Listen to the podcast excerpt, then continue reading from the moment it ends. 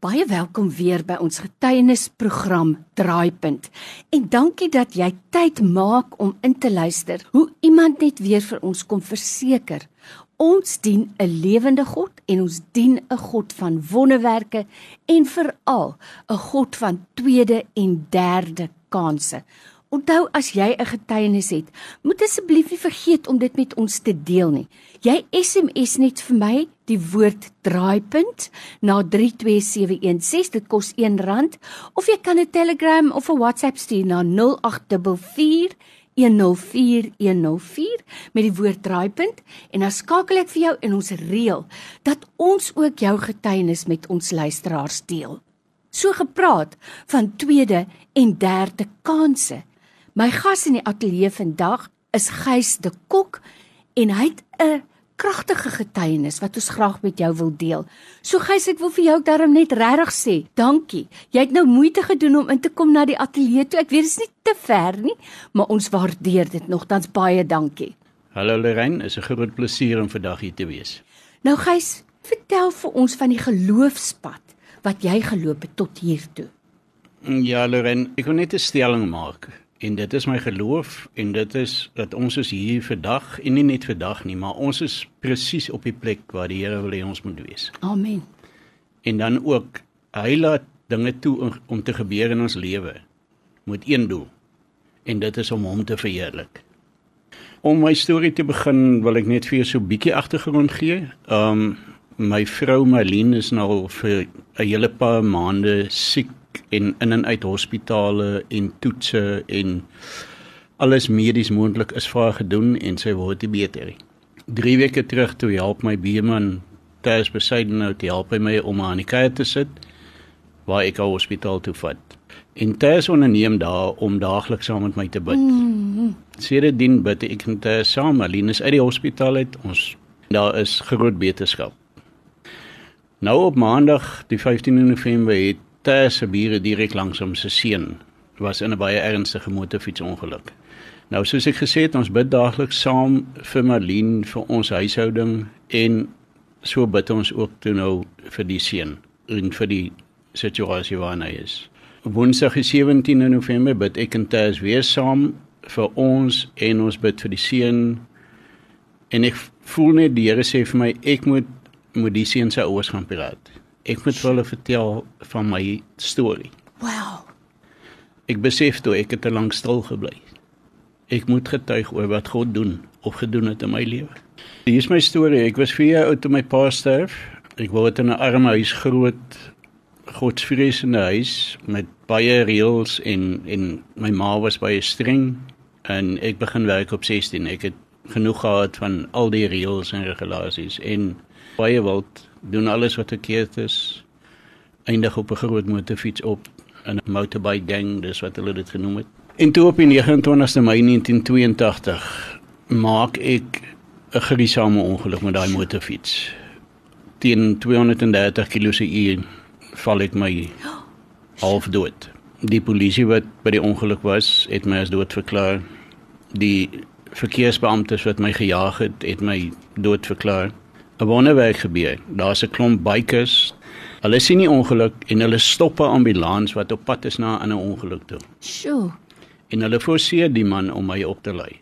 Nou dit gebeur nie. 'n Ambulans wat op pad is na 'n ongeluk toe word nie natuurlik nie verwys nie. Dis net goed. Maar die ambulans lei my op en ek word omtrent kwart oor 2 die oggend by Tygerberg Hospitaal afgelei as DOA, dead on arrival. So na 6:00 oggend het um portiere of iets ingekom in die lijkhuis om 'n lijk te kom haal vir 'n nuwe ooplanting. En hulle sien ek al nog asem. Oh. En daarvan af het hulle my gevat na die teater toe waar ek oor 9 die aand eers uit die teater gekom het. Um ja, baie ernstige beserings, my elleboog gebreek, my heubeen gebreek, my bekkenbeen gebreek, my ja. kaakbeen op twee plekke, die been langs my oog gebreek, my linker oog was heeltemal uit. Lang storie kort, ek was dood. Ek was letterlik doodverklaar deur drie verskillende mense en die Here het my genade gegee. Maar op daai stadium was ek baie gelukkig. Ehm um, na 7 dae sê die dokters vir my ma, uh, sy kan huis toe gaan want ek kan nie lewe nie. Ehm um, ek is bewusteloos vir die tyd. My ma is weg huis toe. Ehm um, later sê die dokters vir sou ek bykom, is die kans groot dat ek baie ernstige breinskade mm. sal hê. Meer as 'n maand gaan verby wat ek in 'n koma is en toe eendag kry my ma oproep en toe ek bygekom. Ek is toe nie dood nie. En weet jy wat? Ek was 3 maande en 2 dae in die hospitaal. Ek moes van voor af leer loop. Ek moes van voor af alles leer doen. Sjoe. Maar toe ek daar uitkom, toe dink ek, "Ag, oh, ek was baie gelukkig." En in 1984 werk ek en my stiefpa aan 'n aan 'n huis op Mariesburg wat baie dik mure het en ons is besig om 'n gat te sny om 'n deur in te sit. En ek werk heeldag onder die deur en so net voor 4 die middag toe sê vir my maar hy sal die kusyn insit want hy weet beter en hy het beter geweet. Mm. En hy gaan sit waar ek heeldag gewerk het. Toe ek by die deur uitstap, toe val die muur om dood.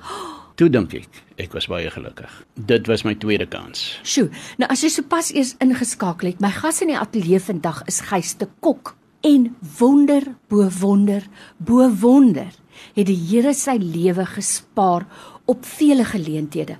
Geys, het jy toe al tot jou sinne gekom of moes die Here maar weer met jou praat? Nee, nee Lorraine, ek het maar nog aangegaan. Jy weet, ek is baie gelukkig. 'n uh, Ou probeer dingetjies in jou lewe verander want jy weet jy dan nou 'n tweede kans gekry, ja. maar so gaan die lewe maar aan. Ek weet van die Here, maar ek ken nie die Here nie. Toe op die 3 September 1990 lei ek staalhekke af en 3 ton staalhekke val bo op my. Oh! Net my kop steek uit. Daar is 'n ou wat sien wat dit of hoe dit gebeur en hy gryp my aan my kop en hy probeer my uittrek onder die staalhekke. Nou 3 ton staalhekke val 'n mens dood. Natuurlik. Ambulans het my kom oplaai hospitaal toe, ekstra hulle alles en op die einde het ek 'n 'n nekspier beseringkie gehad, maar ek dink dis hoe die ou my probeer uittrek het onder die staal. Toe was ek baie gelukkig. Ja. Dis die 3 September 1990. Intussen vra ek die Here, ek is moedeloos, my lewe is doelloos, ek weet van die Here, maar ek soos ek sê ek ken hom nie. En ek vra vir die Here, maar wys vir my wat moet ek doen? Waar moet ek gaan? En die volgende dag toe begin hy ou met my praat en hy sê vir my, uh ek wil net vir jou vra, hoe staan jou saak met die Here? Maar ek het vergeet ek het die vorige aand vir die Here gevra hy moet my wys. Kyk nou God se tydsberekening. Maar in elk geval Erik Lucy nooi my toe uit na hulle gemeente toe en 'n paar keer saam met hulle gegaan en gesien hoe die Here werk, maar ook maar weer net vervaag en weggebly. En toe op die 20ste November 1990, toe stop ek met my spoorweg trok by my broer se huis. My broer se naam is Leroux en hy's opgewonde. Hy en sy vrou is opgewonde. Hulle sê hoor ons ons moet vir jou iets wys. Hulle het nou net die Here leer ken. Ek sê ja en hy hy sê nee maar jy moet dit sien. Nou een van ons vriende is Harry Etzebeth, Eben se pa. Mm en hy sit die video aan en hy breek voor die Here en hy nooi die Here in sy lewe. Daai dag het ek my trok gaan klaar. Toe sê ek vir die Here as as die Here se genade genoeg is vir Harry Etzebeth, dan moet dit genoeg wees vir my. Amen. En ek het my lewe vir die Here gegee en dis 31 jaar. Môre is dit 31 jaar.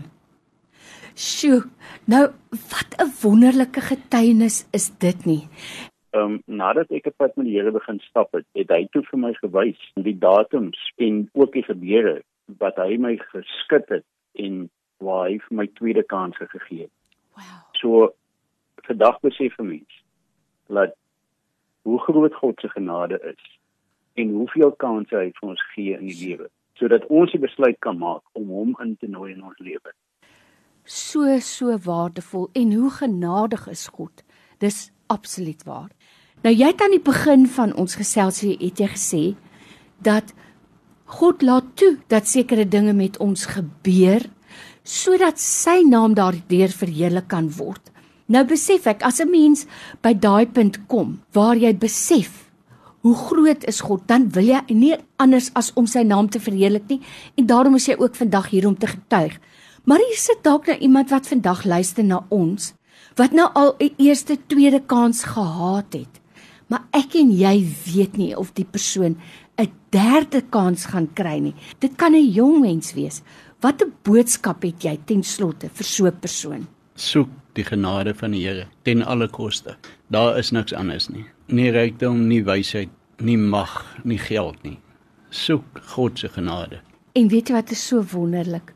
God sê, as jy hom soek, as jy tot hom nader, sal hy tot jou nader.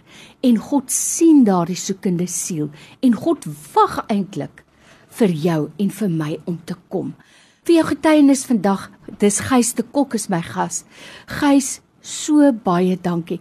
Ek weet in my hart, daar's iemand vandag wat hierdie boodskap moet hoor. So baie dankie vir jou tyd. Gys, as iemand dalk wil hê jy moet by hulle kom gesels by 'n mannegeleentheid of by 'n jeug geleentheid of samekoms, as jy bereid is, kan jy dalk vir ons 'n e-pos gee as hulle jou wil kontak. Seker, ek sal ek sal dit sterk weer. Dis Gysie de Kay, G Y S I E D E K @gmail.com. So dis Gysie Dek D E K @gmail.com. 100%. Baie dankie vir jou tyd vandag. Ons waardeer dit.